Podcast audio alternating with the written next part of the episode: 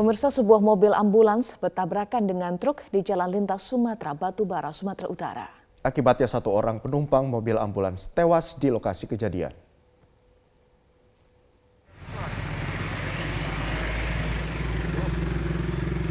Apanya tarik Pemirsa inilah video amatir yang merekam proses evakuasi jenazah seorang penumpang mobil ambulans bernama Ahmad Irfan yang tewas di lokasi kecelakaan di Jalan Lintas Sumatera kilometer 115.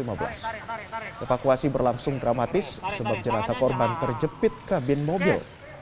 Menurut keterangan polisi kecelakaan bermula saat mobil ambulans melaju dari arah Medan menuju kota Kisaran. Sesampainya di lokasi kejadian, tiba-tiba mobil ambulans oleng dan masuk ke jalur yang berlawanan. Di saat bersamaan dari arah depan datang satu unit truk sehingga tabrakan tidak terhindarkan. Akibat tabrakan tersebut, mobil ambulans berlogo salah satu partai politik mengalami rusak berat, sedangkan truk rusak di bagian depan sebelah kiri. Sementara sopir mobil ambulans dan dua penumpang lainnya dilarikan ke rumah sakit karena mengalami luka-luka. Kasus kecelakaan maut tersebut kini masih dalam penyelidikan Satuan Lalu Lintas Polres Batubara.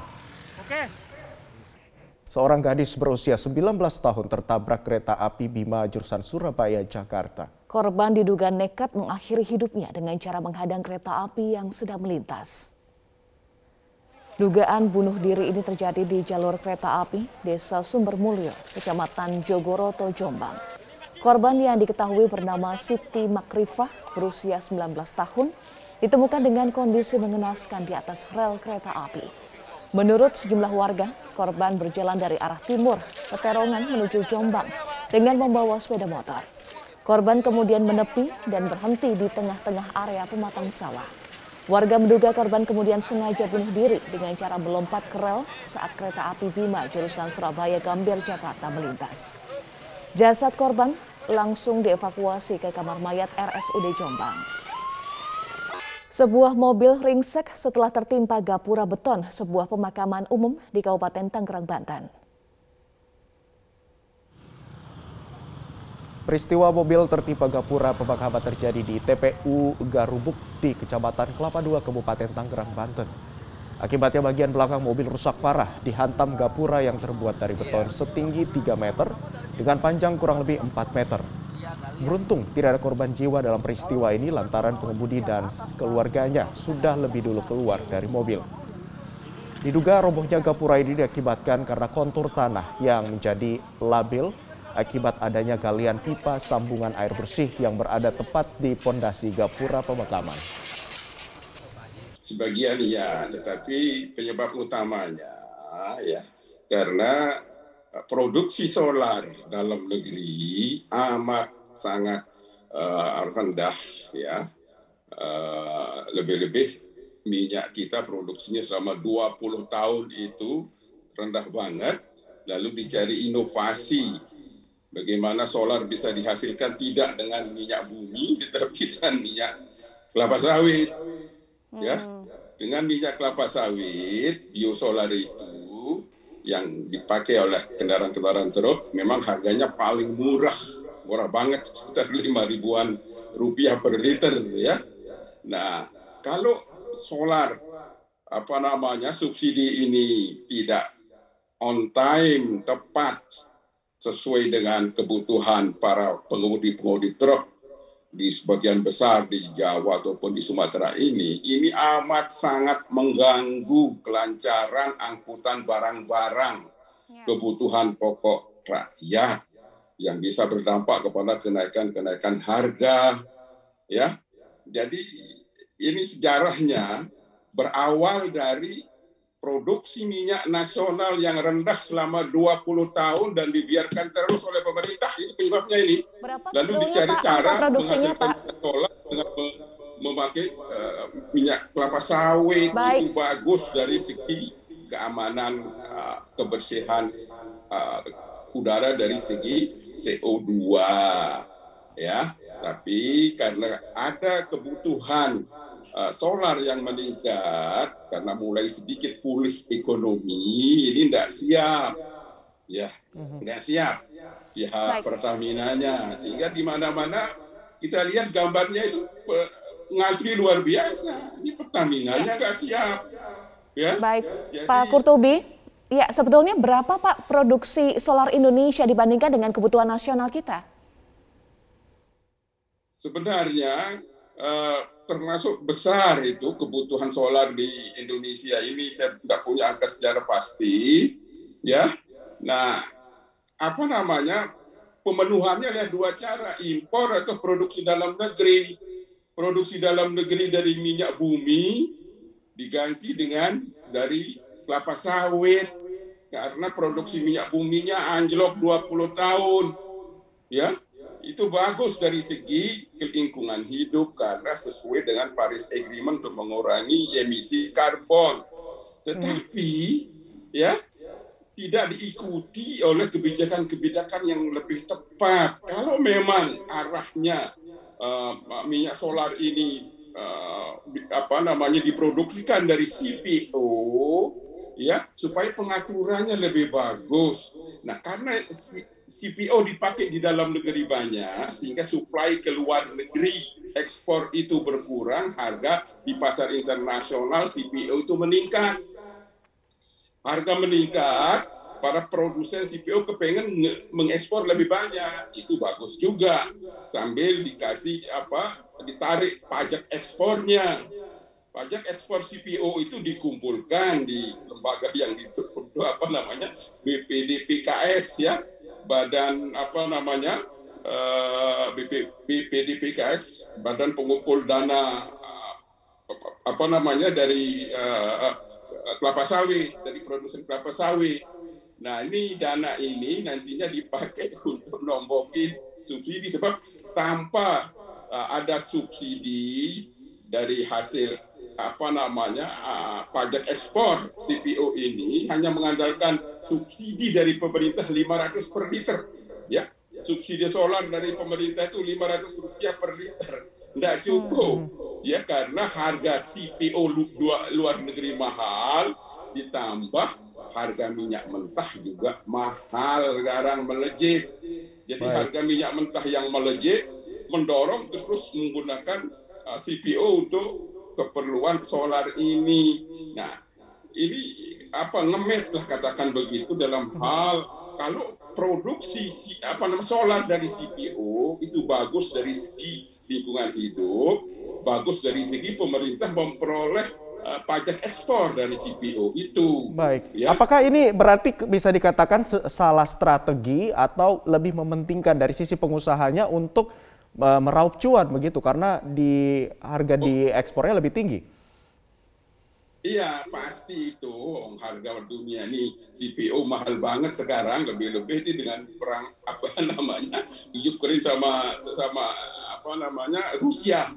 Sebab Ukraine itu salah satu produsen minyak minyak apa namanya bunga matahari sama dengan CPO itu bunga matahari itu jadi harganya mahal di dunia sekarang CPO itu itu bagus dari segi penerimaan devisa dari CPO dan pemerintah memperoleh pajak dari CPO ini.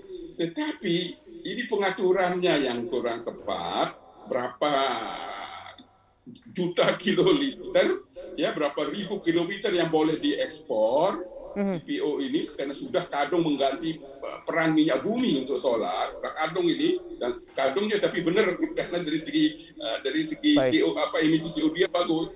Tapi ini kurang rapi ya pengaturannya. Karena para pengusaha CPO itu pasti dia menginginkan memanfaatkan harga CPO yang mahal di luar negeri sehingga memperoleh cuan lebih banyak. Meskipun mereka pun dikasih apa namanya dibebani pajak ekspor CPO ya cuma pengaturannya ini yang nggak rapi ya pengaturannya yang tidak rapi begitu ya Pak Kurtubi berarti bisa dikatakan ini ada indikasi yang mengatakan bahwa uh, supply untuk BBM jenis solar ini sengaja dialihkan untuk yang tadinya sudah di uh, sudah dialihkan harusnya untuk uh, kebutuhan kendaraan tapi dialihkan mungkin ke untuk kebutuhan produksi atau untuk kebutuhan yang lain atau untuk diekspor begitu.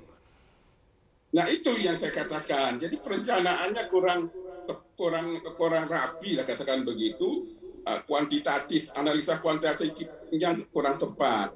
Kalau memang apa hendak membela kepentingan rakyat untuk kepentingan apa CPO ini mau tidak mau volume untuk ekspor itu harus dikurangi ya tapi karena harga di luar negeri begitu mahal, ya para pengusaha itu ya berusaha untuk mengekspor. Nah ini yang harus butuh peraturan lebih ketat lagi sehingga CPO ini untuk dalam negeri dengan tujuan satu ya hmm. memenuhi uh, minyak goreng rakyat ini yang utama.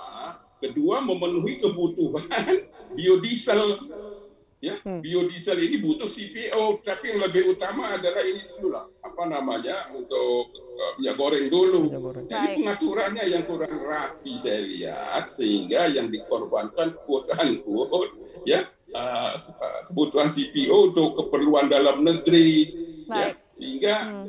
apa namanya uh, kurang apa namanya solar supply solar ini sekalipun Pertamina mengatakan apa stoknya untuk 20 hari dipakainya di lapangan ini pada ngantri.